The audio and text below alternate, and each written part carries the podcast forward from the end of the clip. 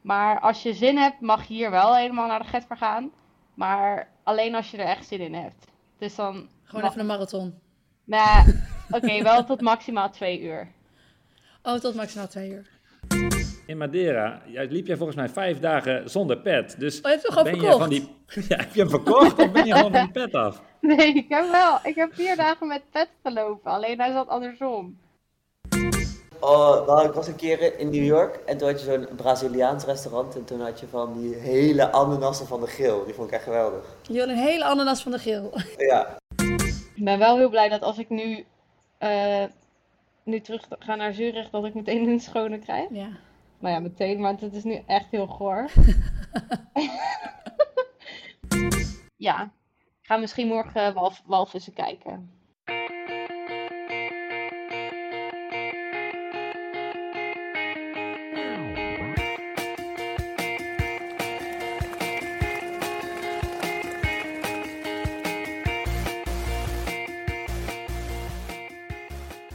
Welkom bij de 76e aflevering van Suzy Q&A, de podcast over hardlopen, training en wedstrijden. Vandaag weer twee mooie gasten in de aflevering. Vriendin van de show, marathon- en trailsensatie Nienke Brinkman vertelt over haar eindzege in de Golden Trail World Series. Eerder dit jaar liep ze al een Nederlands record op de marathon en pakte ze brons op de EK Atletiek in München. Nu schrijft ze als eerste Nederlandse het prestigieuze trailcircuit op haar naam. Ze schuift zo aan bij ons vanuit haar strandstoel op Madeira. En we hebben Frank Futselaar. Hij koos verrassend voor de New York City Marathon en staat zondag aan de start op de Verrazano Bridge op Staten Island. Hij vertelt, zo vlak voor zijn vertrek naar New York, over zijn recente trainerswissel en zijn voorbereiding op een van de mooiste marathons ter wereld. Suzy Kiyonoi zou niet kunnen bestaan zonder de tweevoudig Olympische atlete die afgelopen week op zoek was naar haar stem en die net op tijd heeft teruggevonden. Ze klinkt anders, maar ze is het echt. Susan Cremens. Ja, ik ben er weer. Ja, mijn stem. Het gaat best wel goed vandaag. hè. Ja, ik, ik stuur jou natuurlijk een berichtje van... eh, gaan we inderdaad die podcast opnemen? Want ik heb een beetje een eh, podcast eh, blessure. Ja, ik ben even ziek geweest. En eh, ja, toen was ik mijn stem inderdaad eventjes kwijt. Maar hij is weer een soort van terug. Klinkt anders. Ja, Ik, ik kan je goed verstaan, maar Nou. je hoort het nog wel een beetje. je hoort het wel een beetje. Ja, dat weet ik. Ja, het is een beetje, ja, een beetje anders. Trouwens, wel leuk. Maar Je zei net vriendin van de show, Nienke. En toen, ik dacht pas geleden, als we een vriendin van de show zouden hebben, dan zou het Nienke moeten zijn. Ik hoop dat zij dat wil zijn. Maar wij hebben het daar helemaal niet over gehad. En nu zei jij het. Dus we moeten het wel even vragen of ze dat ook echt officieel wil zijn. Ik vind dat leuk. Ja, ik had het even opgezocht, maar zij, een jaar geleden was ze nog nooit in de show geweest, dus was ze duidelijk nog geen vriendin. Maar in elf maanden tijd is, eh, hebben we haar tot vriendin gebombardeerd. Ja, ik denk dat zij de... Zij heeft gewoon heel vaak een, een, ons een reden gegeven om haar even te bellen. ja, Ehm, hartstikke leuk. nou ja, en ik, ik denk dat ze het ook wel leuk vindt, dus ik denk wel dat we de vriendin kunnen noemen. Ja, mooie line-up ook met Frank. Dus eh er worden mooie gesprekken. Maar goed. En is Frank dan een vriend van de show? Ja, is hij vaak genoeg geweest? Ik, ik denk wel dat hij wel redelijk vaak is geweest, maar een beetje meer verspreid over twee jaar, denk ik. Ja, ja ik, ik kan me één uitzending eh, herinneren met Frank. Toen eh, werd hij eh, standaard Frank Fruit Salad door jou genoemd. Dus hij is zeker weet een keer eerder geweest. Ja, nee, en, en met het duiken. Duiken over de finish. Die ook, in Valencia natuurlijk. Dus Ja. nee, hij is zeker meerdere keren. We kunnen hem ook wel tot vriend bom- bombarderen, denk ik. Nou, we hebben vandaag een vriend en een vriendin, dat is leuk. En Frank die gaat New York City Marathon lopen aanstaande zondag, waar Abdi ook loopt. Ja. Ehm, ja, dus dat is gaaf. Twee eh, Nederlanders aan de start. En volgens mij loopt Rut van der Meijden eh, bij de dames. Dus we hebben drie eh, hele goede atleten aan de start in New York staan.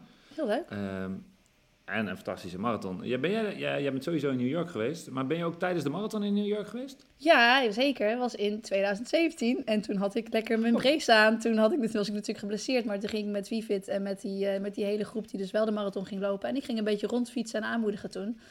En eh, bij koffietentjes koffie drinken onderweg ook. Eh, dus ik heb inderdaad ook wel weer wat mensen gemist daardoor. Maar het was echt een, ja, was, was een hele mooie ervaring. Toen dacht ik ook wel van, ik zou hier wel een keertje willen lopen. Maar goed, Ehm, ja, het is toch alweer een tijdje geleden dat, hè. En toen uiteindelijk, eh, toen had ik dat idee van, ja, lijkt me mooi om in, in New York te lopen. En dacht ik, ga ik eerst de halve doen. En toen heb ik daar natuurlijk in 2020 voor getraind. En toen eh, was ik er helemaal klaar voor, tas ingepakt en alles. En toen, nou ja, de avond voordat ik zou vertrekken, keek ik nog even op Twitter. En toen was hij natuurlijk afgelast, omdat eh, COVID toen net begonnen was. Dus eh, ja, niet, niet heel veel geluk met New York lopen. Daarvoor wel een paar keer Fifth Avenue Mile. Maar ja, de marathon, daar is het nog nooit van gekomen, nee. Ja, Ja, ik denk dat voor heel veel mensen, als ze één marathon mogen kiezen die ze in hun leven doen, dat, dat, dat New York echt heel vaak genoemd wordt. Ja. En ik ben jarenlang, el- zeg maar elk jaar naar New York gegaan in de week voor New York, voor mijn werk. En dan Mhm. eh, bleef ik nog het weekend om, eh, nou ja, de eerste keer dat ik er was, de marathon te kijken. En toen zei ik van, ja, dat ga ik gewoon nooit meer doen. Als je Nee, in New. York bent tijdens de marathon, dan moet je hem ook lopen. ja.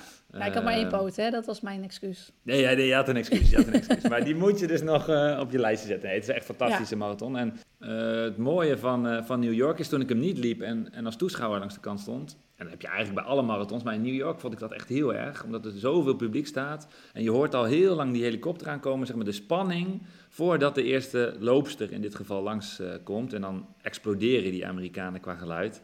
En Ja. dat is wel iets wat ik, wat ik, wat ik onthouden heb eh, van New York. En dat het op de brug heel stil is, toch? Dat hoor ik altijd. Dat de brug heel stil is. Als je dan eh, is het First Avenue opdraait, dat het dan opeens zo'n kabaal is en eh, zo'n explosie van geluid of zo. Ja? Ja, dat is ook next level. Dus je hebt de hele tijd heb je herrie. En dan op die, bru- die brug, die, is, die echt heel lang eh, is, van Queens naar Manhattan, is het doodstil qua publiek. Maar dan hoor je dus Ja. inderdaad al die voetstappen van die, van die duizenden lopers. En als je dan die brug afkomt en je draait First Avenue op, ja, dat is volgens mij het, het allerdrukste punt eh, langs het parcours. Ja, dat is echt, daar kijk je de hele brug, kijk, ik tenminste, kijk er naar uit. Dus daar moeten we zo Frank even op voorbereiden. Ik eh, heb ook iets gehoord over dat de brug en bij de start dat het als je beneden staat, eh, op het onderste wegdek, dat het, dat het daar wel eens regent. ja, ja, Toch? ja, een- golden shower. Ja. dat Nee, je niet, dat bij is, de, niet bij de rand moet komen of zo. Ik heb dit verhaal heel vaak gehoord, maar ik weet niet of het... Ja, het zal wel waar zijn. Ik heb zelf... eh, In het midden gelopen. keer, ik heb er nooit gelopen. Ik stond altijd boven. En Oh ja. eh, ik heb ook nooit mensen, zeg maar, de regen zien produceren. Dus eh, volgens Nou ja. mij kun je pech een- hebben, maar... Het is een ja, urban legend dit. Ja, ja, het zal vast wel eens gebeurd Ja. zijn. Hoe is het met jouw en beentjes eigenlijk? Goed, ja, Ja? best wel goed. Ja, een paar dagen na, na de marathon eh, niks gedaan. Ik denk de donderdag na de marathon eh, weer gelopen. En dat was gek, want ik, eh, ik had echt wel weer zin. En ik had ook nou, niet zoveel last meer. En, maar ik had na het lopen meer last dan ervoor. Nou, toch nog iets te vroeg dus. Ja, je roept dan weer spierpijn op of zo. Ik weet niet wat het is. Nee, maar Ja, het gaat niet prima. En, en ik ben aan het trainen voor onze gezamenlijke loop op eh 20 november. Ja, top. Rondje Nijmegen, Suus. Ja, ik weet het. Ja, ik denk, je bent aan het trainen. Jij wel. Ik heb nu even een paar dagen eventjes looprust. Want eh, ik heb wel eens vaker dat ik eh, zo ziek ben geweest en mijn stem ben kwijtgeraakt. En gewoon lekker doorgetraind had. En toen eh, was ik vervolgens nog een maand daarna nog aan het hoesten. Dus ehm, ja, even meteen de rem erop natuurlijk. Maar hij komt er wel aan inderdaad. Dus even even lopen. Maar ben je, ben je, had je gewoon keelpijn of was je, had je algehele malaise? Lag je echt eh, Algehele, het was algehele malaise, inderdaad. Dus het was, eh, ik had zelfs dus, want dat was, toen wist Andrew dat het serieus was. We stonden s ochtends op en toen ging ik op de bank zitten en keek een beetje zielig. En hij zo, koffie? En toen schudde ik zo nee. En toen zei hij, Oh, oeh, het gaat not niet good. goed met jou. Dus eh, dat was wel natuurlijk een teken. Maar ik had maar twee dagen geen zin in koffie hoor. En ik was ook maar echt twee dagen mijn stem kwijt. Maar ja, ik eh, voelde me wel echt heel erg slecht. Dus ik ga eventjes een beetje voorzichtig doen. Maar daarvoor gingen de trainingen wel lekker. Ehm, dus ook weer een paar, eh paar thresholds gedaan. Ding! En dus, dus op zich ging het qua training ging het wel goed. En ik heb in de afgelopen maanden sowieso wel een paar goede trainingen gedaan. Alleen continuïteit zit er niet zo in. Ik heb steeds van die onderbrekingen. En ehm, ja, nu dan dat ik mijn stem ook kwijt ben. Dat ik een paar weken geleden ook. Toen hadden we gelukkig geen podcast gepland.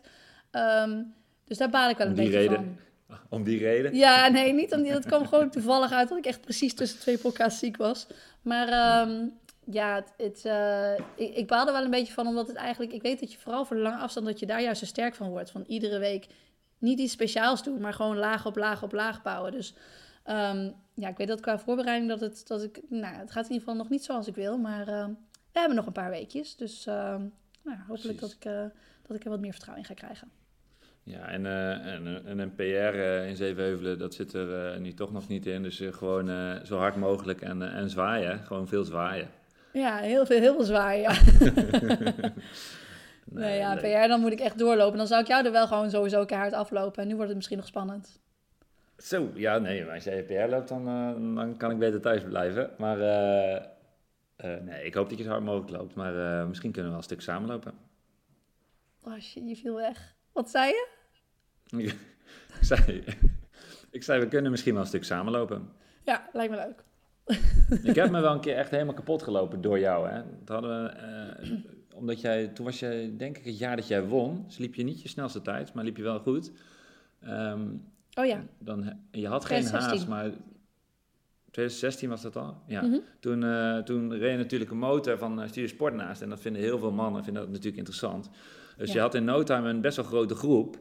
Ehm, en ik had ook wel een strategie, als ik nou wat harder begin, weet je, dan ehm, eh, de laatste drie kilometer kom je altijd wel door. Dus was ik wat harder begonnen in een mooie grote groep, maar ja, toch wel een beetje opgeblazen. Eh, Vind je toen achterbij, ja? Ja, daar heb je me van me gewonnen, ja. Ja, sterker nog, ik denk wel, eh, ik denk wel 40, 50 seconden voor me. Uit, Want ik liep nou, maar net niet uit 49 of 70. zo, hè? Dus het was niet super snel eigenlijk. Maar goed. Nee, volgens mij, ja, ik liep 49 heel laag, dus ik, volgens mij liep jij eh, nog wel eronder hoor. Nee, dan, dan zat je voor me of dan was het een ander jaar. Dan heb je misschien toen het jaar dat ik 47 liep. Dat is het. Ah, ja, ik Ja. ga het opzoeken. Ik ga Ja, het opzoeken. ga jij het even enorm opzoeken. Maar dit wordt je derde keer eh zevenheuvelenloop dan? Ja, de, de 15 dan. Met de minis heb je natuurlijk heel vaak gedaan. Ja, nee, de vierde. Want ik heb één keer 2016 gewonnen. Ehm, toen 2017 was ik natuurlijk geblesseerd. Eh 2018 liep ik mijn PR. Ehm, ik weet niet, ergens 47 en de 40. En, eh, en eh 2019, de laatste editie, deed ik natuurlijk ook mee. Ehm, toen liep ik ook niet zo goed. Maar toen merkte ik gewoon dat ik... Toen had ik heel veel training gemist in de zomer natuurlijk, ook door Piet. Moeten mensen even een paar afleveringen terug. Dus als je niet weet wie Piet is, dan moet je eventjes terug. Ja, Eh, Piet, klootzak. ja, Piet die klootzak. En dat, ja, daar kwam ik toen dus wel achter. Dus dat, dat is wel... Met die lange afstanden kom je er gewoon niet mee weg om je kilometers niet te maken. Dat moet wel gewoon gebeuren. Ja, Ja. ja nee, ja. Hey, en Alice uh, McColgan aan de start, dat vind ik zelf ook wel leuk. Ja, die ga ik niet zien, want die loopt veel te hard. Tenminste, ik neem aan dat ze nog steeds zo in vorm is. Maar dat Ja. is wel eh, mooi eh, voor het eh, damesveld. Ja, ik denk het ook. Ik denk dat ze ook voor mij ook iets te hard gaat. Maar eh, inderdaad, super mooi voor het damesveld. En eh, sowieso een heel sterk damesveld. Hè? Dus eh, ja, ik ben benieuwd. Leuk. Ja. Hey, ehm, we gaan zo meteen eh, Nienke erbij roepen. Onze vriendin. Ehm, of hebben we nog tijd voor het woord van de week?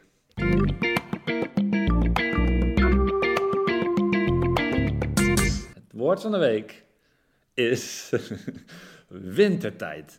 Oh nee. Ja, is niet echt, echt een heel eh, een woord wat niemand kent en wat we hoeven uit te leggen. Eh, Ja. Maar is natuurlijk wel net ingegaan. Ehm, ik heb daar zelf eigenlijk niet zoveel last van. Eh, maar sommigen die, en iemand hier in huis, die klaagt daar heel erg over. Ja? Ehm, heb jij er last van, van een uurtje verschil? Is dat, Word is dat dan, Kaio eh, die daar vooral over klaagt of niet? Nee, Kaio heeft die gaat gewoon in bed liggen wanneer ja, hij in het, bed moet het, het, liggen. het ligt er natuurlijk ook aan of je... Kijk, als je, als je fulltime werkt en als je na het werk even wil lopen, dan, dan is dat nu voorbij. Hè? Dus dat is, dat is natuurlijk wel vervelend. Ehm, voor mij is het, ja, weet je, ik vind die zomertijd wel prima. Dus voor mij hoeft die niet naar de wintertijd. Dus eh, ik ben er niet zo'n fan van, nee. Maar qua trainingen verandert er voor mij niks, want ik kan natuurlijk gewoon op ieder moment trainen. Dus ik hoef niet per se ehm, in het donker te lopen. En, Maar jij eh, loopt nooit in het donker eigenlijk. Nee, omdat ik, ik dubbel ook niet. Hè. Dus eh, zeg maar de, de middagtraining, die, eh, die doe ik altijd alternatief. En ja, in de zomer doe ik dat inderdaad wel eens op de elliptico buiten. En dat zou ik in de winter inderdaad niet doen. Dan, dan moet het gewoon binnen. Dus dat is natuurlijk wel jammer.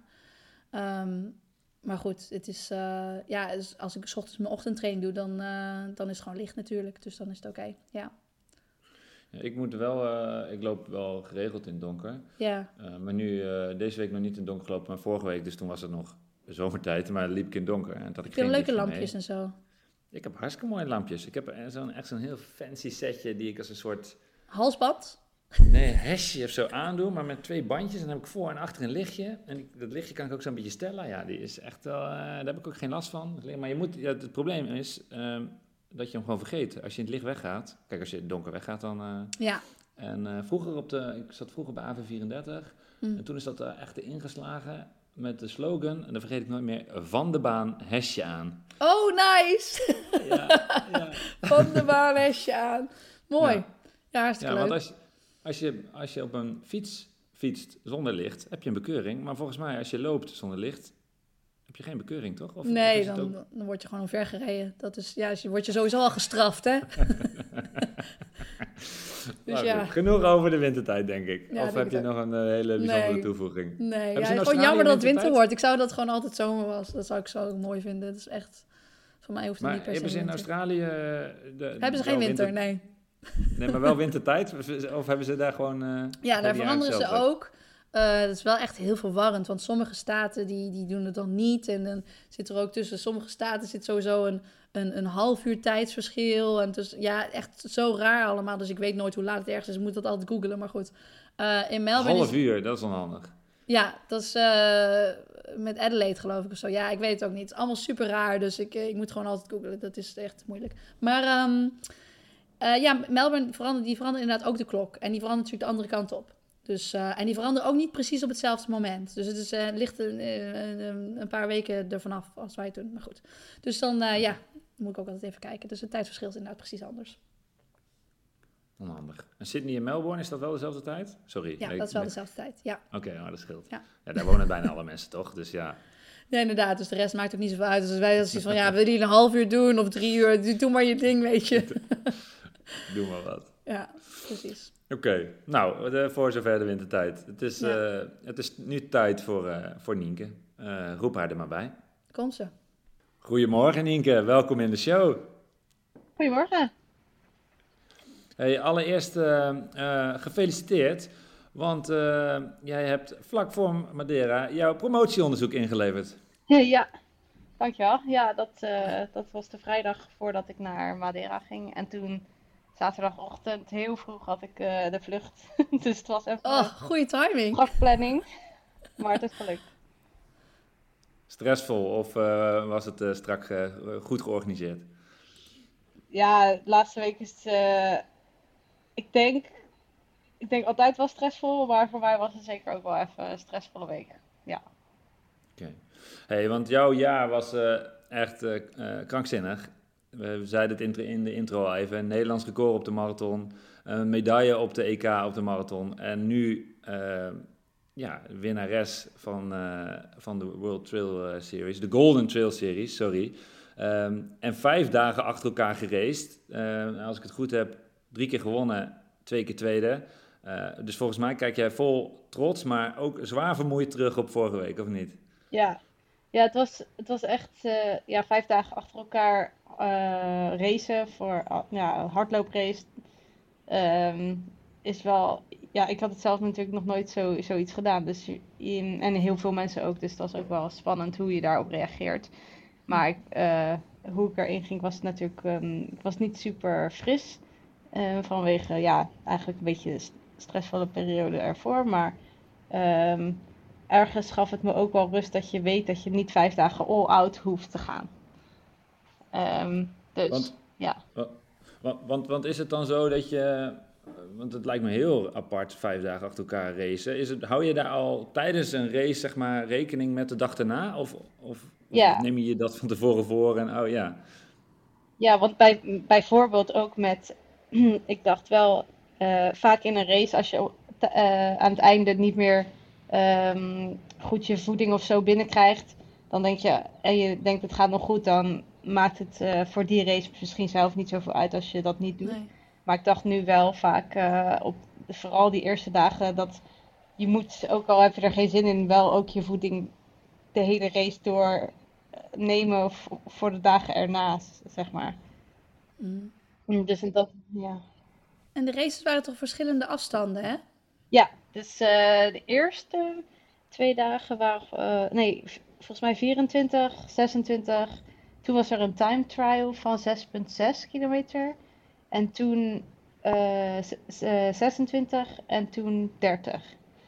En dan bij die time trial, ne- neem je dan ook voeding? Of dan is het gewoon, dan ga je gewoon één keer gewoon als Nee, toen, nee, dat was gewoon, ja, dat was, ik wilde dat eigenlijk heel rustig nemen, die time trial, maar die, dat parcours was echt heel leuk.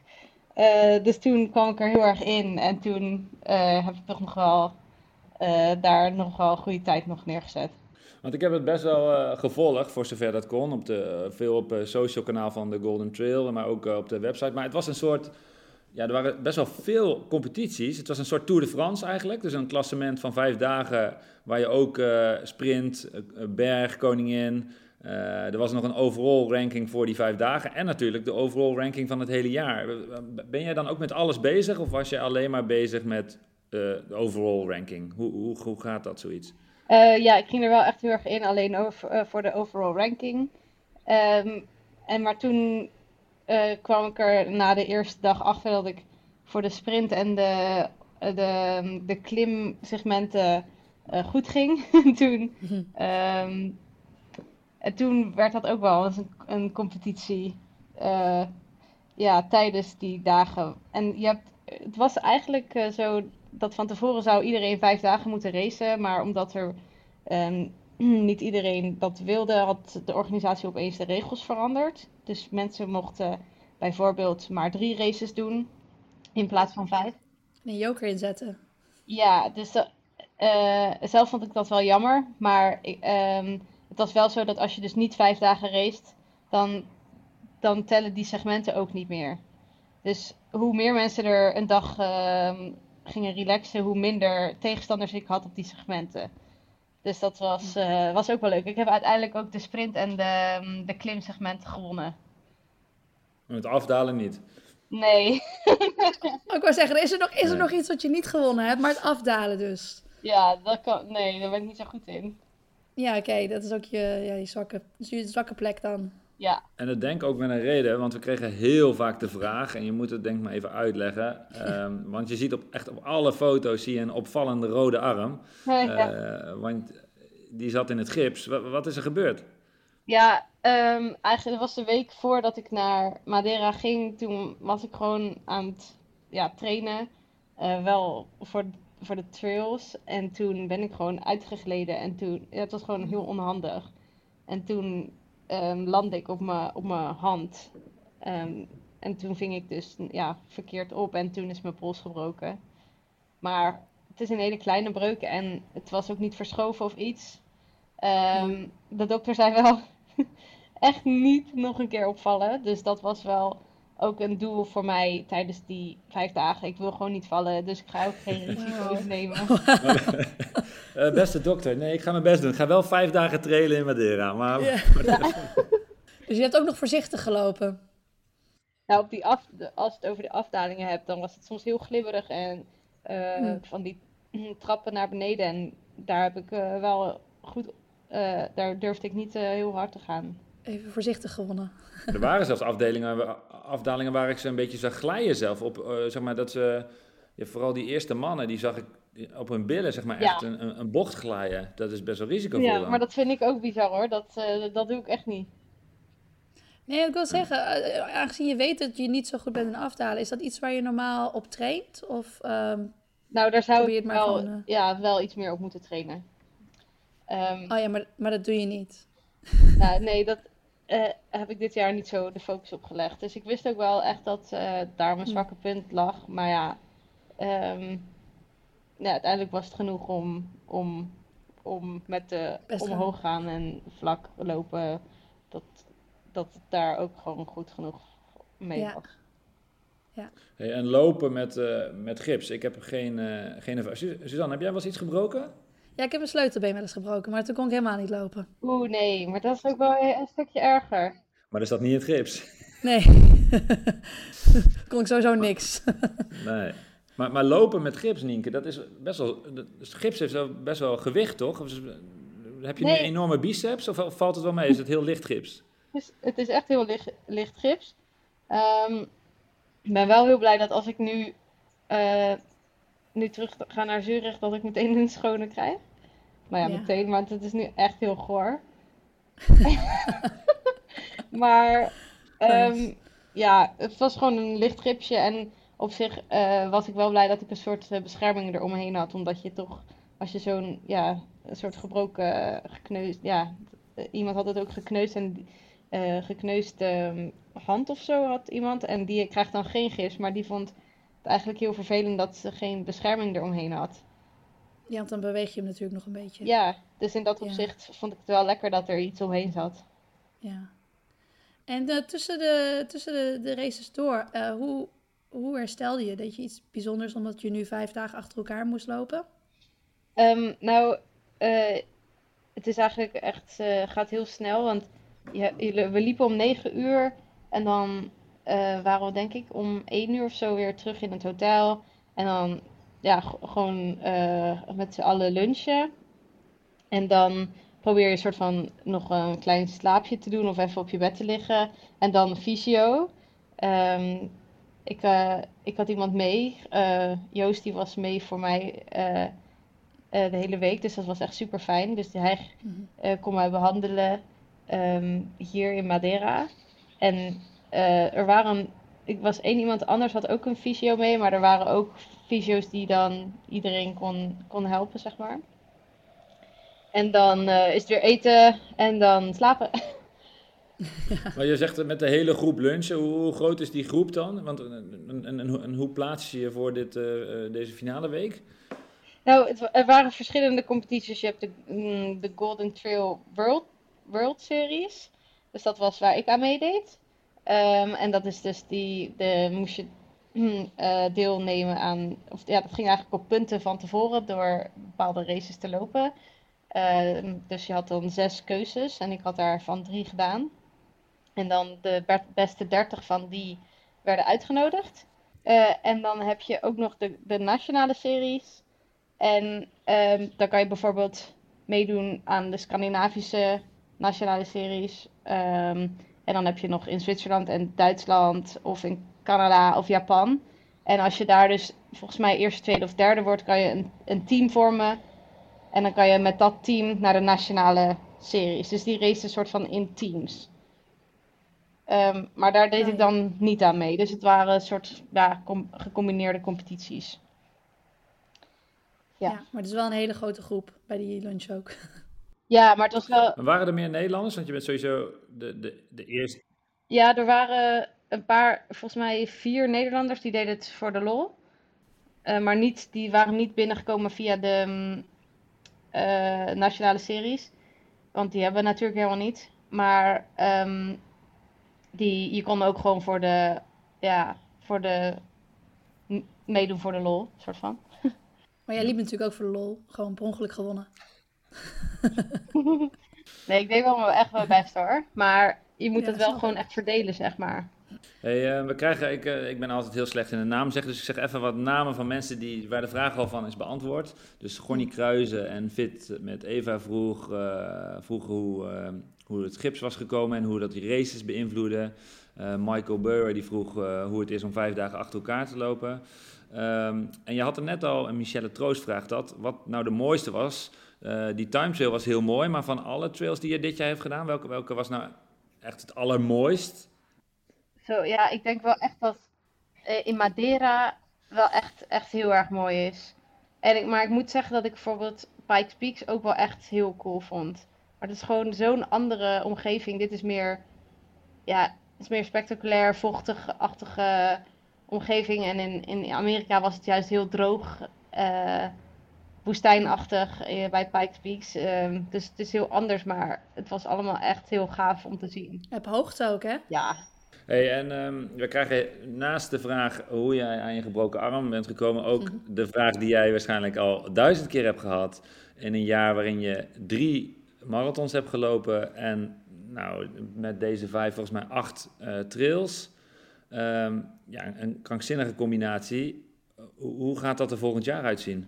Blijf je de marathon en het trailen combineren? Eh, en op wat voor manier? Kun je al iets zeggen over jouw volgende jaar? Ehm, nou, we wilden het volgende jaar eigenlijk ook echt een beetje gaan mm, eh, uitstippelen als ik een beetje nu rust heb, zeg maar. Ehm, ik wil het echt nog heel graag eh, combineren, want ik vind het allebei superleuk en ik denk dat het ook dat het me echt sterker maakt, ook mentaal. Ehm, maar bijvoorbeeld, je moet gewoon goed plannen, want zo'n gebroken arm, dat is natuurlijk niet handig als je goed bent voorbereid voor een marathon of zo. Maar ja, zoiets zit ook, kan altijd gebeuren. Ehm, ook als je op de weg bent, kan je ook iets breken. Ehm, maar het is gewoon handig om wel echt een, goede, een goed plan te maken. Maar ik, ik eh, kan er nog niet zo heel veel over zeggen, want ik heb nog niet een concreet plan voor volgend jaar.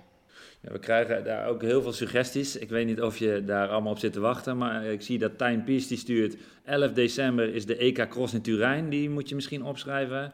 En begin, eh, begin 2023 zijn er heel veel mooie Nederlandse wegwedstrijden, waar ook veel mensen hopen dat je een keer komt lopen. Maar eh, je hebt het eigenlijk al gezegd, je gaat nog helemaal niks, eh, je weet nog helemaal niks zeker. Nee, maar ik weet wel zeker dat ik denk ik dit jaar niet meer ga racen. En heb je wel eens gecrossed eigenlijk, of niet? Nee. Nee. Ik ben benieuwd wat je daarvan vindt. Want dan, uh, ik denk dat je dat dan, uh, want vooral, ja, ik weet niet. Cross in Nederland zijn niet bijzonder zwaar. Vroeger gingen ze wel eens nog in uh, Groot-Brittannië, zodat je echt door, een, door een sloot moest en dat je echt over dingen moest klimmen en zo. Maar ik denk dat je dat, dat, je dat heel makkelijk gaat vinden. ja, ik ga het wel volgen, want ik heb er wel... Een cross is eigenlijk gewoon een hele korte trail. Ja, nou, ik, volgens mij, uh, ik, ik ga het wel echt volgen, het cross, want ik hoor er heel veel over. En het lijkt me wel leuk om het echt even te zien. Want ik, ik weet er gewoon niet zoveel ja. van. Nee, het is vooral vaak met modder. hey, ik heb nog een beetje een aparte vraag. We hebben het in een, in een vorige podcast met jou uh, over jouw pet gehad. En je Oh, had ja. zelfs een, een bot gehad op jouw pet via Instagram om, je, om, om hem te verkopen aan iemand. En ik zag nu in Madeira, jij, liep jij volgens mij vijf dagen zonder pet. Dus Oh, je hebt ben je van die, ja, heb je hem verkocht of ben je gewoon van die pet af? Nee, ik heb wel. Ik heb vier dagen met pet gelopen, alleen hij zat andersom. Oh, maar je had een soort band, dacht ik ook. Oh, de foto's die ik zag, ja, was inderdaad met zo'n band. Ja, oké, dat- maar dat was één dag. Heb, ik heb één dag met een band gelopen. Oké, Ah, Want, daar niet zijn alle foto's gemaakt. ja, want de reden was dat eh, het was daar super winderig en ik was juist bang dat ik mijn pet ging verliezen. Ja, ik snap het. Maar nee, ik heb hem niet verkocht. Nog meer waard geworden nu. ja. een veiling. Ja. Eh, en eh, we krijgen ook wel veel, eh, we krijgen altijd veel vragen over schoenen.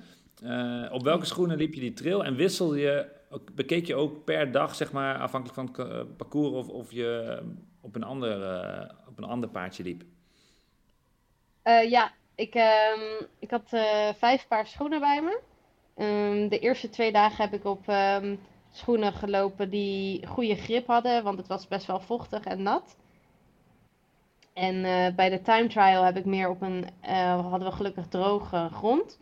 Toen heb ik ehm, op echt een ehm, best wel een snelle schoen. Daar zat ook een, een nieuwe trailschoen, die komt volgend, volgens mij volgend jaar uit. ehm, met een eh, carbonplaat aan de voorkant. Oh, ja. En ehm, de, Oh, nice. ja, en toen donderdag weer op die mm, schoen met goede grip, want het was weer vochtig. En de laatste dag was een soort van net downhill. Dus toen wilde ik op een schoen waar ik wat meer mm, kus- ehm, damping had. Even daarop inhakend, die, er was, was een vraag van eh, Henk 81 Bos. Klasse. Of je meehelpt met de ontwikkeling van de trailkleding en schoenen bij Nike. Ja, ehm, of nou ja, ja, want ehm, na, ehm, aan het einde van de eh, trip naar Amerika was ik ook nog naar de Nike eh, headquarters geweest. En dan had ik ook wel Mhm. eh, gesprek, gesprekken gehad met ehm, ja, de schoenontwikkelaars en de, ook de mm, kleding. Ehm, en dan vroegen ze wel ja, wat nou waar ik in en ben geïnteresseerd in of ehm, ja, gewoon mijn, ehm, mijn input een beetje. Wat ik wel super fijn vind, omdat er wel nog een aantal dingen zijn die beter kunnen. Wat kan beter? Begrip bij, bij de Nike schoen kan ook nog lichter, vind ik. Ze hadden vooral schoenen mm, die gefocust zijn op ultra running. Dat is meer populair in Amerika. En ehm, Ja. ik denk dat ik een van de ja, weinige trail-atleten bij hun ben die meer op eh, korte afstanden focust. Kort voor trailrunning dan. En heb je in Amerika ook nog een rondje op, die, eh, op de atletiekbaan in het bos gelopen? Ja. ja, dat is echt cool. Hey, ehm, eh, wanneer wist je dat je ging winnen? Ehm, Ja. Vraagt eh Seren Zwijnenburg. Want eh, de laatste dag, ehm, of eigenlijk de ene laatste dag was het volgens mij officieel dat je de eindoverwinning te pakken had.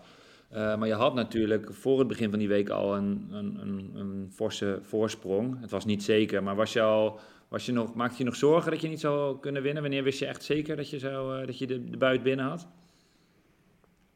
Nou, eigenlijk echt pas eh, zaterdag. Ik, ja, ik had een hele grote voorsprong, maar ik dacht altijd nog, oh, er kan nog van alles gebeuren. Want stel, ik val en ik kan een aantal dagen niet lopen, kan er nog zoveel veranderen. Dus ik ging er echt elke dag wel in van, ik moet, eh, of nou, ik moet, maar ehm, ik wil mijn titel verdedigen, soort van. Ja. En, en, en de, ehm, de euforie, ik was best wel eh, timide over de finish. Ik zag, ik zag een, de mannelijke winnaar met champagne een ronde maken, een soort polonaise. Ja, ja, je was waarschijnlijk ook gewoon heel moe, denk ik. Heb je het nog wel gevierd s'avonds? Ja, ik heb het s'avonds zeker gevierd. Ehm, maar ik vroeg me af of, of je bedoelt eh, vrijdag over de finish of donderdag? Zeg maar, of eh, vrijdag of donderdag. Ik bedoel eigenlijk, bedoelde je de laatste? eh, ja, want ik denk dat ik, te- ik was heel erg moe. Ik kwam heel moe over de finish. En ik had toch ergens, baalde ik van die dag, van die tweede plek. Vooral omdat dat, mm, omdat Ellie, het meisje die eerste werd, die had, ehm, die had alleen de time trial en de eerste dag geraced. Dus die was best wel fris. En eh, ergens zat er toch iets eh, waar ik er een beetje van baalde dat ik tweede was, denk ik, op dat moment. Ja. Ja, het kan altijd beter, maar volgens mij eh, drie keer winst, twee keer tweede in één week heb je volgens mij eh, prima scoren. Ja, dus het kwam ook, het was gewoon even de finish en toen daarna natuurlijk heel erg eh, uitgebreid Ja. gevierd. En nu even vakantie op Madeira. Ja, nu even, eh, even niks. Ook lekker, of, eh, of, Ja, of niet? ik ga misschien morgen walv walvissen kijken. Oh, leuk. Ja. Oh, wauw. Want, eh, want het- even niks, dan, dan is het ook echt even helemaal niks. Dan, dan raak je je loopschoenen niet aan. Of doe je dan stiekem eh, deze week nog wel eh, een rustig eh, toeristisch rondje of zo? Hoe, eh, hoe- wat is helemaal niets in- in- bij jou? Ja, dat is eh, een goede vraag. Want eh, het liefst zou ik wel nog hardlopen, maar ehm, ik ga de eerste week ga ik alleen maar misschien even kort ehm los spinnen en echt niet hardlopen. En wat wandelen, maar ik ga niet hardlopen. En ehm, daarna heb ik dan nog eh, drie weken met mijn coach bepaalde regels. Je hebt de regels nodig dus. Ja. Eh, Wat zijn de regels van Benjamin? De regels zijn, eh, ik heb bepaalde dagen dat ik eh, niet mag hardlopen. En ik heb bepaalde dagen dat ik ehm, alleen eh 60 minuutjes mag hardlopen. En ik heb bepaalde dagen waar hij zegt, hier mag je doen waar je zin in hebt. En dat betekent niet dat je het moet doen. Maar als je zin hebt, mag je hier wel helemaal naar de get voor gaan. Maar alleen als je er echt zin in hebt. Dus dan Gewoon even een marathon. nou, oké, wel tot maximaal twee uur. Oh, tot maximaal twee uur. Maar die regels, dat, dat, dat heeft hij voor al zijn atleten? Of zijn die regels bij Nienke Brinkman nodig omdat ze anders geen rust pakt na zo'n eh, zwaar jaar? Ja, daar, daar was die. Ik denk dat we, omdat we dat vorig jaar hadden we ook echt een rustperiode ingepland. En toen had ik toch meer gedaan dan, dan, dan ik wilde. Dus toen had hij even toch eh, gezegd: Oké, nu gaan we even wat regels doen. Maar ik heb er Mhm. ook wel vorig jaar van geleerd. Want, want ik dacht nu ook al meer zelf van: Nee, ik wil nu ook echt even rust. Dus het is meer gewoon eh, voor de zekerheid, denk ik nu. Ik eh, doe me even denken aan een vraag, nog een, vraag van iemand, van eh, Bart Bezenbinder. Ik ben wel benieuwd naar die extreme belastbaarheid van, van, van Nienke, waar die vandaan komt. In relatief korte tijd marathons lopen, golden trails winnen. Ze heeft natuurlijk wel een sportverleden, maar hockey is toch een andere belastbaarheid. Hoewel je daar mogelijk bij het trailrunnen juist wel voordeel van hebt. Waar Ja. komt de belastbaarheid vandaan? Oeh, Want je hoeft ehm, dus niet echt rust te nemen. Want dat is, ja... Veel andere lopers worden natuurlijk geforceerd om rust te nemen. Ja, maar mm, ik denk, ik denk eigenlijk omdat ik, eh, ja, ik heb natuurlijk gehockeyd, maar ik was altijd ook wel, ik denk gewoon eh, ja, heel actief, eh, heel, mm, heel mijn leven al. Ik denk onbewust gewoon best wel Mhm. veel basistraining gedaan. Ehm, Ja. ja, ik, ik, ik weet niet zo goed. ik, ik, ik fietste altijd en moest ik, eh, toen ik in Amsterdam woonde ook nog wel een stuk fietsen naar de hockeyclub en dan weer na de training ook weer terug. En ja, ik denk deze dingen, ik weet het niet zo goed. Ja, ik, ik, ik denk persoonlijk denk dat, dat, het- dat het een gedeelte is het gewoon aanleggen en hoe je lichaam gebouwd is. Maar inderdaad, wat je ook zegt, dat gevarieerd bewegen. En, en ik denk zeker ook wel in wat je in hockey doet, dat dat wel natuurlijk allerlei spieren ontwikkelt die je niet zou ontwikkelen als je alleen maar rechtdoor zou rennen. Dus dat is helemaal niet Ja. slecht om heel verschillende sporten te doen natuurlijk. Nee, denk, denk ik ook niet. Niet voor je belastbaarheid. Hey, en ik zag op de foto's dat jouw moeder eh, ook naar Madeira is gekomen.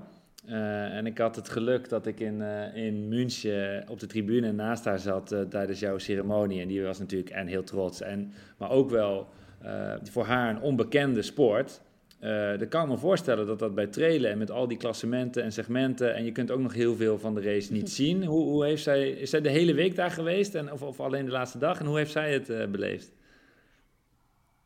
Ja, eh, ehm, mijn moeder en mijn zusjes en eh, twee vrienden van mij waren, waren er ook. En ehm, ook een van het vriendje van mijn zusjes was er ook. Eh, dus wel, ik had een hele fanclub. en dat was, ja, was echt heel erg leuk. En zij, ehm, ik denk dat mijn moeder, eh, die vindt het echt fantastisch om te volgen. Ze is wel altijd heel zenuwachtig als ze dan het parcours in het echt ziet. Omdat ze, heel, omdat ze het ook wel eh, ja, het ziet er altijd best wel heftig uit. Dus ze is dan ook wel een beetje Ja. mm, zenuwachtig, denk ik. Ze is altijd wel blij als ze me weer over de finish ziet komen. Ja, ze is niet van de rots gevallen. nee, ja. Want gebeuren daar, eh, ja, jij hebt natuurlijk, je hebt natuurlijk zelf je pols eh, gebroken, maar zijn er in die weken Madeira er- ernstige ongelukken eh, gebeurd of, of valt dat gelukkig allemaal wel mee? Want het ziet er inderdaad af en toe best wel smalle paadjes, steile plaatje, paadjes. Ehm, het, het kan natuurlijk, je kan ongelukkig vallen. Is, of, of, of zijn jullie allemaal zo geoefend dat het eigenlijk altijd bijna goed gaat?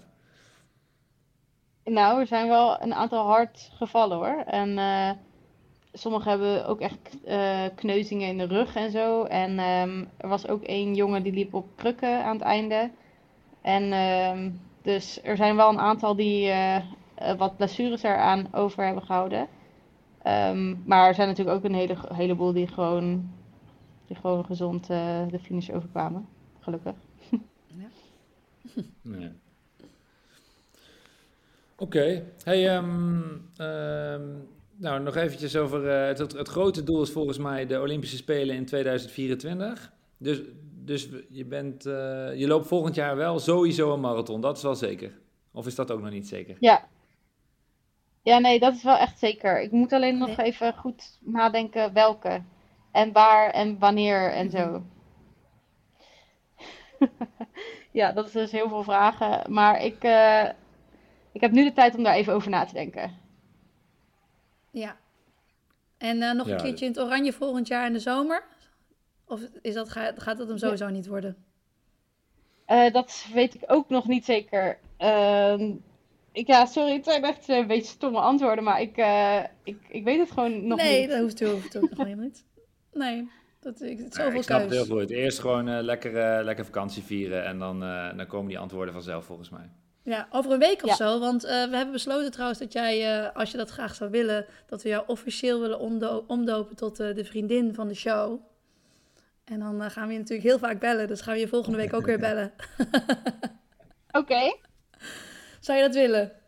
oké, is goed, vind ik wel leuk. Ik zou even beter internet regelen dan. Ja, dat lijkt me een heel goed idee. tot snel dan. Bedankt voor je tijd. Geniet van de walvissen morgen Ja, dus de groetjes. Ja. en, eh, en rust goed uit. Is goed. Oké, Oké, geniet Doei. eraan. Doeg. Doeg! Zo, dat was de vriendin van de show. Eh, ga jij ooit trailen, Sus? Ik je toch iedere dag hier in Hilversum, joh. Ja, je hebt vroeger Nee. veel gecrossed. Ja, Dus, ik heb vroeger eh, gecrossed. Ik vind, eh, ik vind op trails ren- rennen, vind ik, eigenlijk vind ik dat super leuk. En crossen heb ik ook altijd heel leuk gevonden.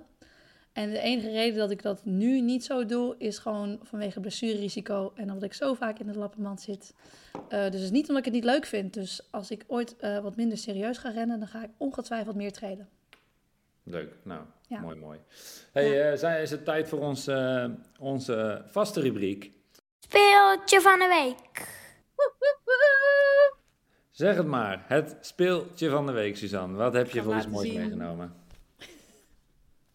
Moet je wel kijken natuurlijk, want jij gaat hem omschrijven.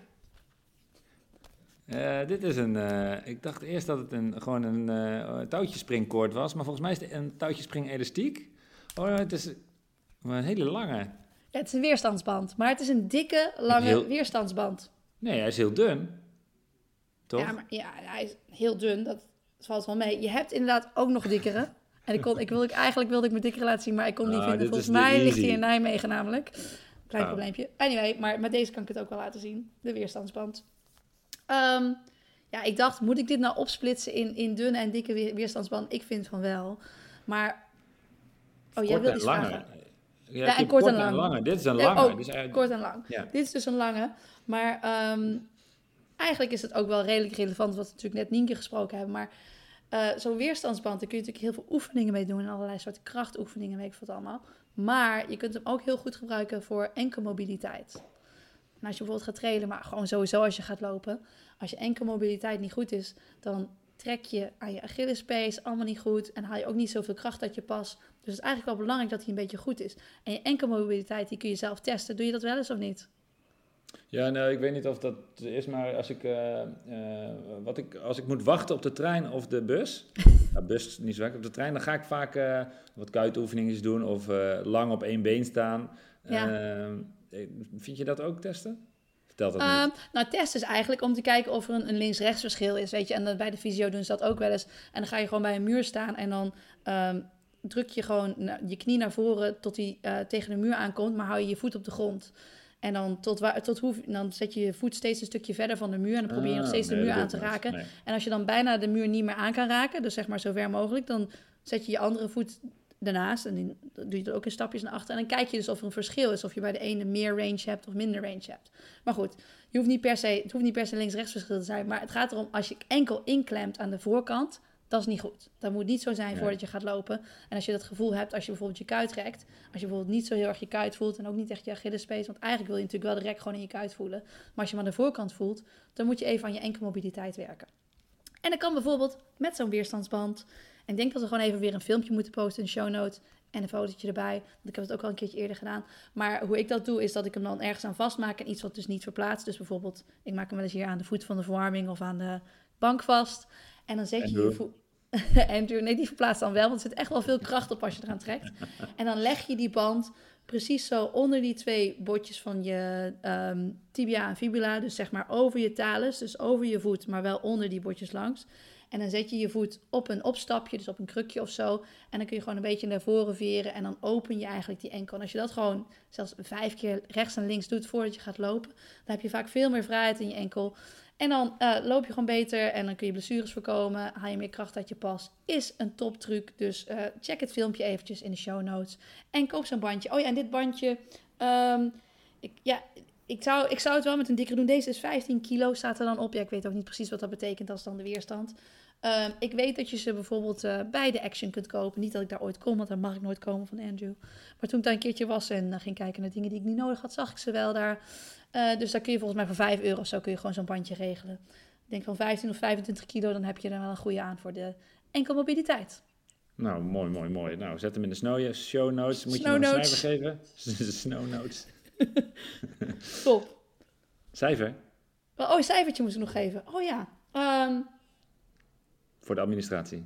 Nou ja, ik vind, weet je, als je hem dus daarvoor gebruikt, voor de enkelmobiliteit, omdat het zo belangrijk is en als je dat doet, dat het je zoveel kan helpen tijdens het lopen, wil ik het toch wel een 7,8 geven. 0,8. Ja, nou, Ja. genoteerd. Dank Oké. voor deze. Oké. Hey, ehm, eh, even twee dingetjes. Ehm, ik wil even iets zeggen over onze volgende podcast. Ehm, dat gaan we iets heel speciaals doen. Jij hebt het gewoon al gepland. Eh, ik weet het niet. eh, ja, want eh, 20 november is de Zevenheuvelenloop. En we gaan een podcast maken live op locatie. Oh ja. Ehm, eh, waarschijnlijk zelfs ergens heel dicht bij de finish. Eh, we de nemen iets finish. Gaan we vooraf. Gaan we ja. Bij deze oproep nemen we eh, Op de vooraf finish. en na, na de race maken we een, een aflevering met ons, maar ook met heel veel gasten. Dus ja, dat is een beetje verrassing en wie er gaan aanschuiven. Uiteraard ook afhankelijk van prestaties. En iedereen die bij de Zevenheuvelloop is, die moet natuurlijk even langskomen en even zwaaien en zo, hè? Dus dat is Ja. wel leuk. Dus eh, nou, ja, een snelle Nederlandse man, dame, misschien, eh, misschien wil Erben Wennemars aanschuiven. Misschien eh, de winnaar van Running Blind, lijkt me ook leuk. Ja, nou, wat dat precies allemaal is, dat gaan we dan, dat gaan we dan zien. Maar eh 20 november, live podcast dus. ja, zin in. Leuk. Nou. Hey, ehm, is het nu tijd voor Frank Fruit Salad, onze Frankie vriend van de show. Ja, hij is Hij, hij, klaar. volgens mij vertrekt hij eh, bijna naar New York. Hij had nog Ja. even tijd om aan te schuiven, dus eh, laten we hem erbij roepen. Oké, komt-ie. En daar is hij, Frank Futselaar. Frank, goedemiddag. Fijn dat je er bent. Goedemiddag. Dankjewel, goedemiddag. Hoe is het, jongen? Gelijk, eh, gelijk de eerste vraag. Waarom Oh, New York Marathon? Oh, oh, ik dacht, hoe is het? Dat dat eigenlijk Hoe is het? Ja, nee, hoe is het? Hoe is het? net wakker. Hoe is het hoort eigenlijk gewoon bij de introductie van hallo. Dus dat is eigenlijk geen vraag, wil je zeggen. Nee, dat doen die De Amerikanen ook altijd, hè? Ja, Precies. Precies. Dus, hey, how are you? Yeah, great. Ja, dat, eh, nee, het gaat, het gaat goed om eh, te beginnen. Eh, ik heb, ja, meeste de, alle trainingen zitten erop. Het is aftellen nu. De laatste week is altijd het eh, lastigste. Geduld bewaren. En eh, nu eh, midden in, ehm, ja, eigenlijk de jetlag protocol, een beetje zoals eh Greten het eh, genoemd heeft. Eh, elke dag een half uurtje later gaan slapen en een half, half uurtje later uit bed, zodat je alvast een beetje je ritme opschuift. Dus Gebruik je dat die dingen- bril of niet? Dus dat is een Nee, bril? hoor? bril, eh, bril heb ik nu niet. Ehm, Hmm. Ik ben nu alleen met het, eh, met het eh, slapen aan het verschuiven. Mhm. Het is voor mij de eerste keer, dus benieuwd hoe, dat ga, hoe ik dat ga ervaren. En, En was, is, de wintertijd, eh, is de wintertijd in Nederland die ingegaan is dan een voordeel of een nadeel? Ja, eigenlijk een beetje een nadeel. Want dan ben je dus twee keer je ritme aan het verschuiven. Eén keer soort van gedwongen en één keer langzaam. Maar we hebben er wel rekening mee gehouden. En eigenlijk, als het goed allemaal gaat, is het zelfs een voordeel dat, het, eh, dat ik terug ga in de tijd. Het is zes uur terug in de tijd. En als ik het op weet te schuiven, dan, dan loop ik de marathon lokale tijd om 9 uur in de ochtend, 5 over 9. En dan zou je lichaam nog eigenlijk denken dat het al een beetje middag is. Dus dan is die al wat meer eh, opgewarmd als het ware. Terwijl als je daar in Amerika al helemaal gewend zou zijn en dan moet je in één keer heel vroeg gaan opstaan. ehm, dan, dus we hopen Ja. dat het op die manier eh, eigenlijk juist een beetje voordelig is. Ja, ik wilde al vragen, is het wel nodig? Want is het juist niet heel fijn inderdaad dat je dan, als dan... Want hoe laat sta je op voor zo'n race van om 9 uur? Ja, precies. Dus eh, we gaan echt wel maximaal vijf uur uit bed.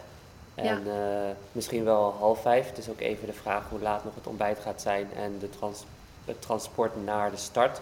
Want dat is nog wel een grote afstand. En, dus dat is even de vraag hoe laat die bus gaat. Maar eh, uiterlijk vijf uur. En we doen eigenlijk alle activiteiten de komende dagen qua trainingen. In New York dan ook allemaal twee uur vroeger dan normaal. Eten ook. En dat op die manier eigenlijk dat hele ritme al in het systeem zit. En hoe laat ben je vandaag opgestaan dan? Vandaag was ik eh, half negen opgestaan. Oh, en ehm, ja, dus dat viel nog mee. Maar morgen moet ik dan, ga ik negen uur uit bed. Lekker uitslapen. Dus eh, alleen Ja. eh, met, de reis is de, de- met de reis is het dan ietsjes in de war. Maar ja, daar ben je ook een beetje over gele- geleverd aan eh, de vluchten die er beschikbaar zijn. Mhm. Maar ik vlieg wel om kwart over twaalf in de middag. Dus dat is op zich wel, wel fijn. Dus ik hoef niet te vroeg op. Want ik had eerst een vlucht om 9 uur s ochtends. Nou ja, dan moet je dus al om eh 4 uur bijna op Schiphol staan. Dan, eh, Ja, dat- Dat is niet dan zo is het weer helemaal omgedraaid. Nee, Dus en dan daar- sta je met de bril op Schiphol. Weet je wat wel leuk is? Imo die heeft altijd een soort van scriptje. En nu zijn we gewoon meteen helemaal deep dive into hoe laat je gaat opstaan op de wedstrijddag.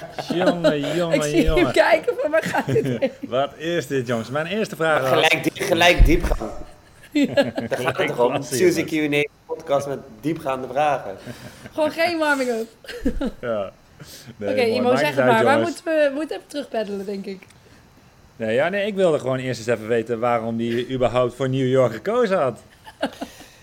Ja, eigenlijk omdat er heel eh, veel factoren samenkwamen. Aan de ene kant staat de Olympische kwalificatie dit jaar niet op, het, eh, op, de, oh ja, op planning. Je kan je nog niet kwalificeren. Ehm, dus de tijd telt niet. Eh, New York is de stad waar mijn broer al tien jaar woont, dus waar ik veel kom. Waar je eigenlijk helemaal niet kan hardlopen, behalve als de New York Marathon er is. Want anders is het echt een. is Nou, het Central een Park toch wel? Ja, Central Park, maar ja, die heb je ook al snel genoeg uitgespeeld. En, Ja, eh, ja. en eh, ik ben wel een keer, of een paar keer al zelfs aan de buitenrand van Manhattan. Dus eh, van, ja, dat is wel echt waanzinnig. Daar kan je heel mooi lopen. Mhm. Ehm, dus wat dat betreft is die, ja, die aantrekkingskracht van die marathon is gewoon heel erg groot. Het is altijd wel grappig als mensen dan aan je vragen op verjaardagen of je marathons loopt. Of, en dat ze dan zeggen van ja, ik heb ook marathons gelopen. Ik heb New York gelopen. is gewoon de, het, het enige referentiepunt wat een soort van de sterveling die ooit van hardlopen gehoord heeft, eh, heeft van eh, marathon en New York. Ja, dus jij hebt En, eigenlijk eh, nog geen marathon gelopen. Nee, precies. mensen. Nee. ja, voor, dus dan kan ik zo dadelijk op die verjaardagen, kan ik eindelijk zeggen, ik heb ook de marathon van New York gelopen. En dat is waarom je het doet natuurlijk. Wat is dan die aantrekkingskracht, even los van dat je broer eh, daar woont en dat je de stad Mm. natuurlijk al kent. Maar wat, wat zijn de dingen die jij, eh, ja, die, die gelijk bij jou opkomen als je denkt aan de New York Marathon?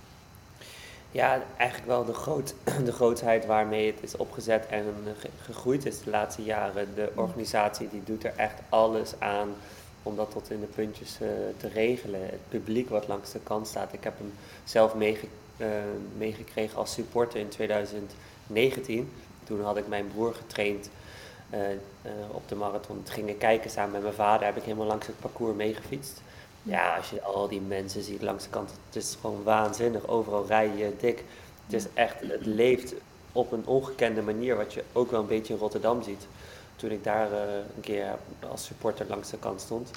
Maar de manier waarop New York leeft voor die, voor die stad en die organisatie, ja, dat is eigenlijk wat hardlopen moet zijn. En dan wil je daar onderdeel van zijn. En ik had ooit wel gedacht daar aan de start te staan, maar dan als amateurloper, misschien na mijn carrière om eh, dat te ervaren. Maar dat ik nu dan als, als professional mag starten bij, volgens mij zijn er 35 atleten aan de startlijn.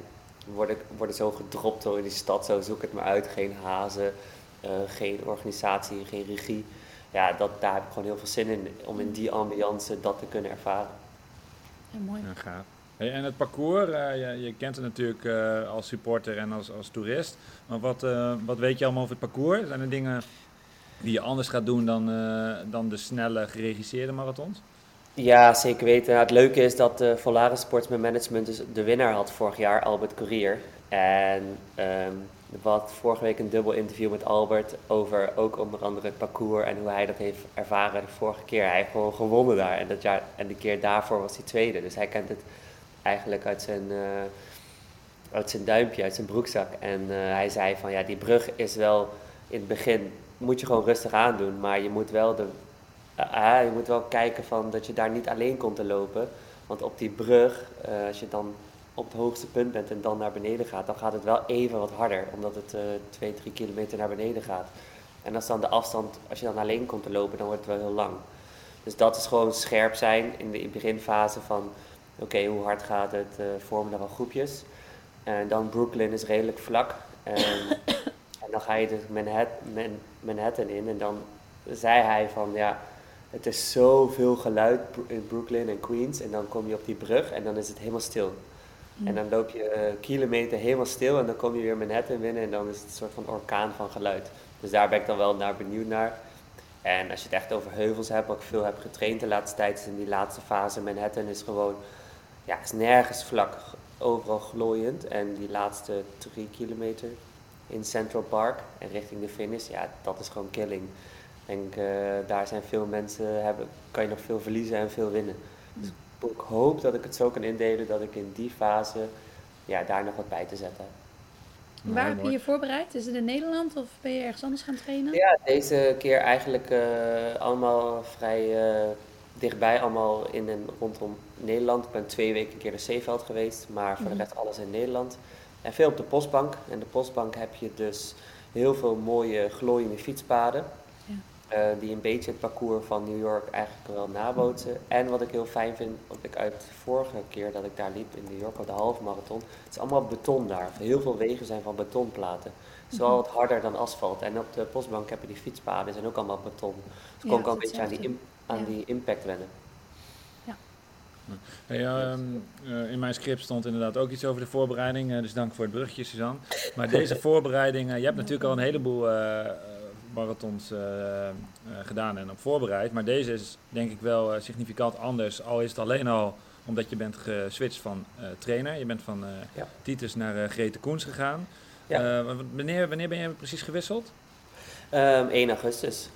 Dus, eh, ja, dus dat is, eh, dan begon de marathonvoorbereiding al ja, Ja. zo goed als, denk ik. Kun, kun je iets Ik vertellen over wat de belangrijkste verschillen zijn, hoe je dat ervaren hebt? Ja, zeker. Ik hoorde denk ik in juni wel dat ik in New York mocht lopen. En eh, nou ja, in, eh, in juli had ik even een break. En eh, daarna ehm heb ik besloten om de overstap te maken. En ik denk bij Geten is het veel meer op de wetenschap gebaseerd. Dus eh, we hebben echt de hartslagzones ja, tot op de slag bepaald en daar ook op getraind.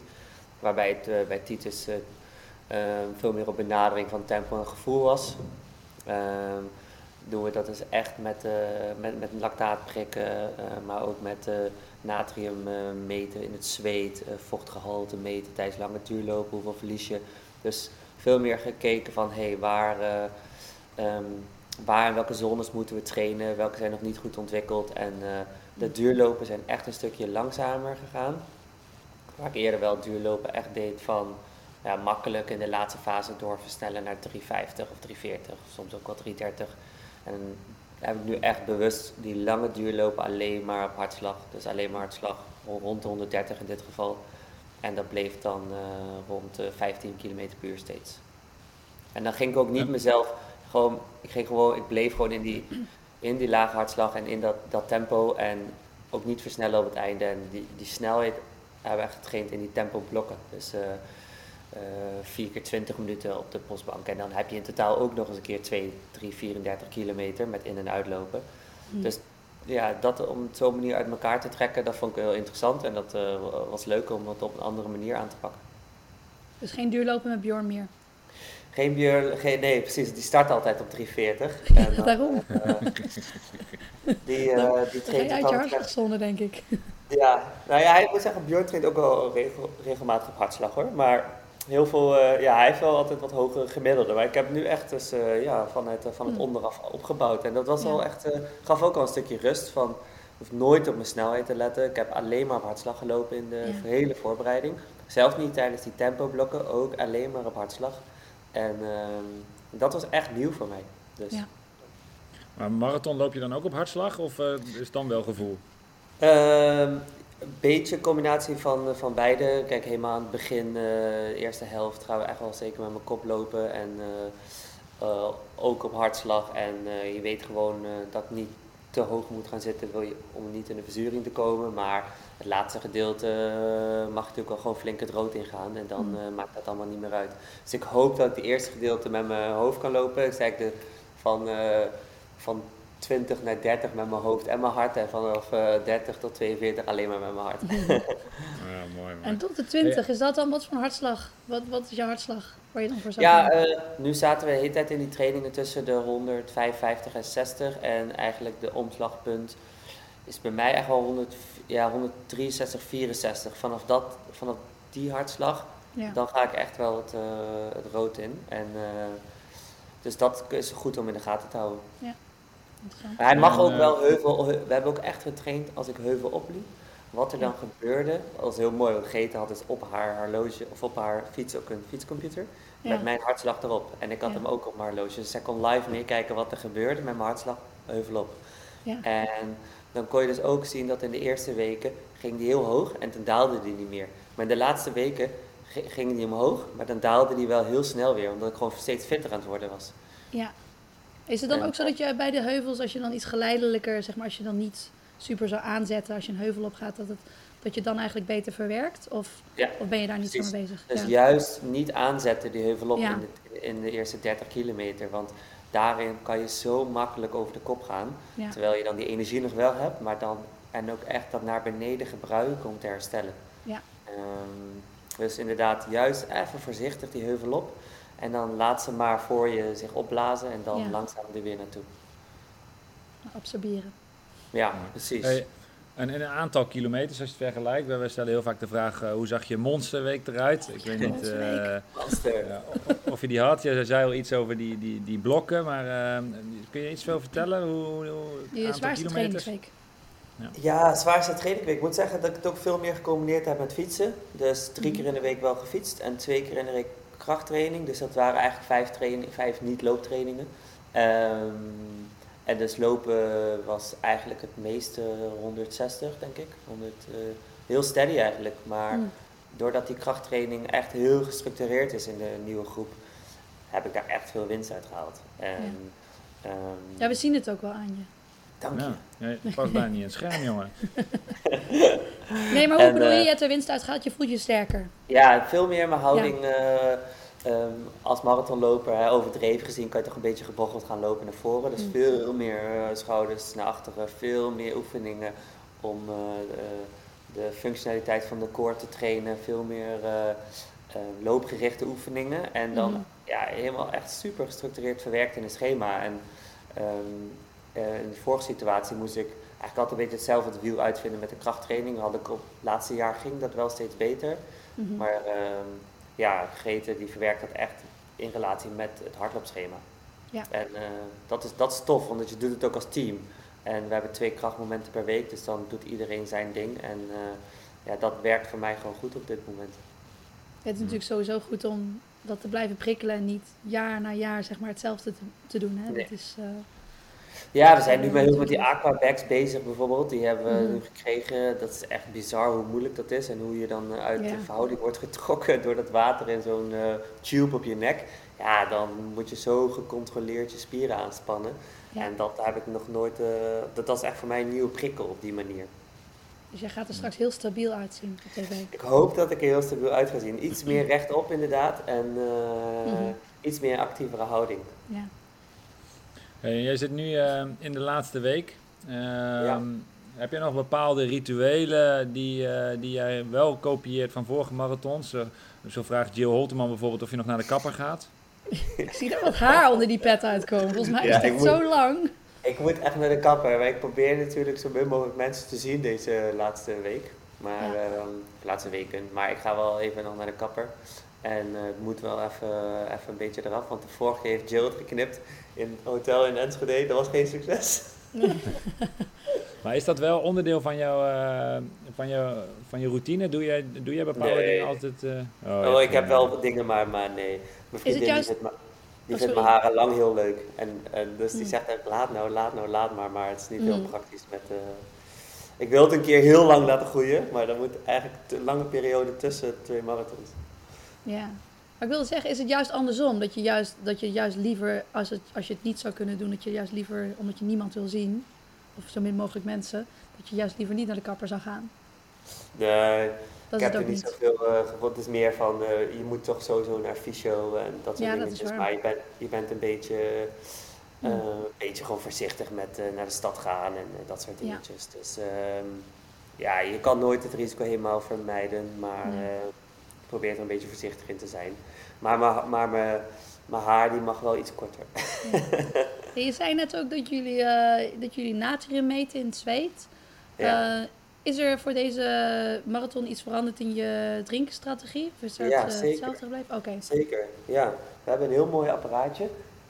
Uh, luisteraars kunnen het niet zien, maar ik heb hem toevallig hier liggen. Sorry, het speeltje net al behandeld. Dus, Oh, sorry. Ja, dit kan ook een speeltje zijn. Andere keer.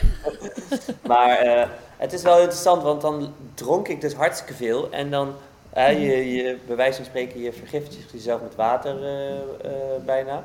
En dan, en dan heb je toch nog, eh, ben je toch nog gedehydrateerd. Dus Ja. de opname van het water en het vocht in je lijf is echt wel heel belangrijk. Het is niet zomaar van je drinkt en het wordt opgenomen. Ja. Dus je zoutgehalte is natrium. Dus hoe, hoe die balans is, is enorm. Heb ik heel veel inzicht in gekregen. Dus ik heb echt wel meer zout moeten eten, vooral bij mijn ontbijt. Omdat ik normaal doe ik gewoon altijd havermout. En als je Mhm. brood eet bijvoorbeeld, zit er natuurlijk veel zout in. Maar bij havermout eigenlijk heel, heel, helemaal niet. Dus eh, dan dacht ik van, oh, ik heb echt wel genoeg gedronken. ja, dan plast ik het gewoon er weer uit. Moet ik tijdens de duurloop eh, met drie keer het eerste uur naar eh, achter een boom gaan staan. Ja. Eh, super irritant. En dan denk ik van ja, maar het wordt eh, dus die balans hebben we nu veel beter van oké, die voeding in relatie met dat, met dat drinken en echt wel een stukje meer drinken dan je denkt. En die balans hebben we nu al veel beter gevonden. Ja. Maar wat, eh, wat doe jij nu dan? Dan schep je zout in je havermout of is dat eh, te simpel? Nee, dat is, eh, dat, dat is een van de dingen zeker. En deed ik altijd al trouwens. Is toch lekker? Ja, ik, ik doe dat nu ook. En eh Oh, dat is zo bouillon, flauw. in de, bouillon in de ochtend erbij drinken. Ehm, dus eigenlijk eh, gewoon super eh, opletten dat, dit- dat dat zoutniveau in orde is. Ja. Want nu zondag wordt het ook eh 20 graden. Oh joh! Dit kan echt alle kanten op altijd met New York, hè? Dat is echt... Dus eh, Wauw. ja, het wordt een hele warme marathon. Dus het moet echt goed voor zorgen dat ik mijn, mijn vocht blijf aanvullen. En ook mijn zouten de, de dagen voor de wedstrijd. En met Zit iets anders in die bidon dan ook, of niet? Ja, nou, ik had eerder deed ik alleen Martin. En ehm, nu eh, eh, heb ik veel meer getraind met Bionutrition, dus dat is veel meer isotonen. En eh, Martin is natuurlijk eigenlijk alleen koolhydraten. En dat werkt heel goed voor je energie, maar een stuk minder goed voor je vochtbalans. En bij Martin zeggen ze eigenlijk van ja, hè, als je van tevoren goed genoeg drinkt, dan in de periode dat je marathon loopt, hè, dan is dat eigenlijk in balans en dan verlies je niet zoveel ehm, eh, dat je het nodig hebt om het tijdens de marathon aan te vullen, die, die, die zouten. Maar bij mij is dat echt wel zo, dus ik moet Ja. daar echt wel beter op letten. Nou, mooi. Hey, eh, dan eh, de schoenenvraag. Krijgen we ook heel veel. Ja. Op, jouw, eh, op jouw Insta was ook te zien. eh, ik krijg deze vraag trouwens van eh, Martijn de Groot, van Frans, van Jeffrey Hazendonk. Het, is, het leeft nogal. Wel- Welke schoenen. Ja, ik denk, maakt de mensen, een maakt, maakt de mensen een beetje gek. Hè? Dat is natuurlijk wel, eh, je moet ze wel een beetje scherp houden. Nee, eh, ja, ik ga zondag op de eh, Essex lopen, op de Edge Plus. Dus eh keuze is daar gemaakt. En ook fijn opgelopen bij, me, bij de Dam te Dam. Liep persoonlijk record op. Dat was nog de oude Edge. En, eh, maar het was best moeilijker om aan te komen. Maar uiteindelijk ehm, is het gelukt. En ja, heb ik heel veel plezier erop getraind. En ben ik fan van, van die schoen. Oké. Hey, en ehm, zondag ehm, staan er twee Nederlanders aan de start eh, bij de mannen. Eh, dus we moeten Ja. onze aandacht verdelen. Is er een soort uh, Dutchies eh, raceplan eh, Afspraken. gemaakt? Ja, ik zei van als, eh als Oh, Abdi, zijn kielzog. Ab, Ab- Abdi mag op First Avenue op kop en doe ik het in Central Park. Eh, nee, ja, ik, ik, nee ik, dat is het mooie aan de New York natuurlijk. eh, eh, we, we zien het wel, dus geen hazen, geen organisatie. eh, Geen groepen. geen groep, Ja. ja, het, wordt ook niet echt gemaakt, dus het is super open en hoe dat gaat ontwikkelen ben ik gewoon heel erg benieuwd naar. En Mm. het was wel heel leuk om met Abdi te strijden in de Dam te Dam. Dan denk je wel, wow, weet je wel, gewoon die battle met hem aan te gaan. Toen zat hij net twee seconden voor me. Mhm. Maar eh, ik, eh, ik verwacht dat hij wel een iets betere marathonvorm is nu. Ik wou zeggen, je hebt, je hebt wel al geoefend dus in kielzog. Ja. Nee, dus het is gewoon eigenlijk hetzelfde, alleen een stukje langer. Precies. Dus Ja. eh, nee, we gaan het zien. En absoluut, natuurlijk is het eh, leuk als je daar straks loopt eh, om met hem te kunnen lopen. En wie Ja. weet hoe de groep zich gaan vormen, maar ook de dagen daarvoor en daarna. Dus het is wel een beetje een strijd, maar ja, hij is natuurlijk wel van een andere orde wat dat betreft. En wat is voor jou dan het doel? Ik heb echt mezelf het doel gesteld om er echt van te gaan genieten van deze race. En echt vrij te lopen ehm, en mijn energie goed te verdelen. Dus dat ik Mhm. eh, op een goede manier over die finish kom, een goede ervaring heb. En, eh, en dat probeer mee te nemen naar volgend jaar, het voorjaar, wanneer we wel weer een snelle tijd willen lopen. Ja. Dus ehm, ja, op de juiste manier omgaan met parcours, de omstandigheden en zorgen om- dat ik goed finish. Mooi. Hey, en qua supporters, je, je, je broer zal er eh, ongetwijfeld Ja, staan, denk ik. Er komen er een hoop mee. Eh, wat zei je? Het lijkt Guus wel. Nee, mijn broer die doet dus ook mee. Er staan dus twee futselaars aan de start. Dus, Ook dat eh, zei, er komt er, een- komen er een hoop mee. ja, en eh, mijn, andere, ja, mijn andere zes broers. Nee, ik heb eh, twee broers. Ivo, die staat aan de start. En die heb ik ook getraind met schema's. En die wilt onder de vier uur. En Koen, die gaat mee supporteren samen met mijn vader. Dus die vliegen ook donderdag. En twee van de sponsoren gaan mee. Dus dat is ook echt te gek. Die gaan met hun familie. Die maken er nog ook een week van. Ja. En ehm Remio Tielsema die eh, komt kijken, want Suzanne, zijn vriendinnetje, woont in Boston. En is ook een vriend van mij, Remio, en die, die komen ook kijken. Dus eh, er is eh, zeker wat support. Leuk. Cool. En waar heb je het hardst nodig? Waar heb je het hardst nodig? Ik denk eh, in Central Park of dat net daarvoor. Dus als je Hmm. naar de Bronx gaat en dan keer je om en dan kom je weer terug Manhattan in. En ik denk Hmm. op dat punt, eh, in die laatste 12 kilometer, dat je ze dan het meeste nodig hebt. Ja. En wat ga je na de race doen? Na de race. Ik denk dat ik ga kijken of ik, als ik het nog zou kunnen, ga kijken of ik mijn broer kan inhalen om het laatste stuk met Ivo te lopen. Ik Oké, ja, dus, eh, ik had dit niet verwacht, dit antwoord. Nee, precies. Ik dacht van, nou, ik moet een keer een goed antwoord geven. Ja, bijzonder. En wat Dus ga je eten? Ga je nog iets, eh, heb je nog iets American op de, op, het, eh, op de wishlist staan? Of iets bekijken, of iets Eh, eten, of oh, iets doen? nou, ik was een keer in, York? New York en toen had je zo'n Braziliaans restaurant en toen had je van die hele ananassen van de grill. Die vond ik echt geweldig. Je wil een hele ananas van de grill. Ja, Sorry. Hadden we ook nog niet als antwoord deze. Dat is een mooie, die gaan we Ja, die, opslaan. foto, die foto willen we zien eh Ja, inderdaad. Heel graag. Een hele de, ananas meeste, van de meeste mensen helemaal in mijn team die kennen wel dat ik altijd broccoli eet. Dat is mijn favoriete groente. Dus eh, misschien dat ik ook wel ergens een broccoli ga scoren. Een hele broccoli en een hele ananas van de grill. Nou, succes ermee. Eh, heel veel succes eh, Frank, leuk dat je even in bent. Jij vliegt eh, morgen dan die kant op? Eh, donderdag. Oh, donderdag, oké. oké. Nou, Ja, we gaan het allemaal volgen. Het is Geniet eh ervan. 9 uur in, eh, in Amerika, dus dat is eh, plus 6 denk ik. ja 3 uur 's middags. vijf, eh, eh, Nederland. vijf over drie start ik, Nederlandse tijd. En het schijnt Ja. dus dat je het via de app van de TECS Marathon allemaal kan volgen. Dus ook een livestream. Dus dat voor Oh. de eerste keer eh, in de geschiedenis van al die marathons. Ze hebben het heel groot aangekondigd. Ik hoop niet dat het zo gaat zoals bij de Runpuck, want dat was niet zo... eh, Nee. Dat was iets minder. Maar Nee. eh, het idee was natuurlijk fantastisch. Ik hoop dat dat doorontwikkeld wordt. Maar dit livestream in de app als het goed is. Nou, gaaf. Wij gaan het volgen. Dus, eh, Oké jongen, Dankjewel. succes.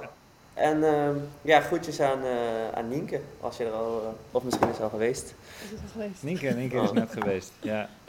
Ah, ja. Die, die, ligt, die, ligt, eh, die ligt op een strandstoeltje jouw race te kijken zondag, denk ik. Want die, Oh, eh, ja, dat- als, rust. als iemand dat verdiend heeft, dan eh, is zij het. Oké, hey, dankjewel. Doei. Zo, dat was Frank. Ehm, eh, even de event-app eh, downloaden dus, Suus. Dan kun je Ja, we gaan het eh, volgen. Die eh, fruit salad hè, met zijn ananas. ja, ananas en broccoli. De, de guilty Ja. pleasures van Frank.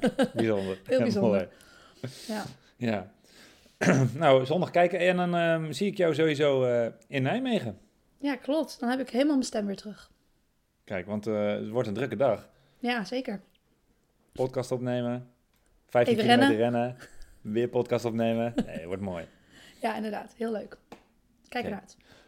Nou, en zo zijn we helaas aan het einde gekomen van een 76e aflevering van Suzy Q&A. Dank Suzanne, dank Nienke en Frank en dank u, beste luisteraar, voor het luisteren. Ook namens Suzanne. Blijf luisteren en lopen. Hoi hoi.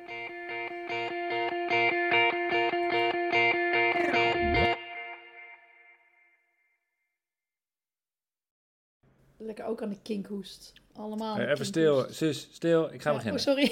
Ja, we zijn het opnemen nu. Nee, wacht even. Even stil.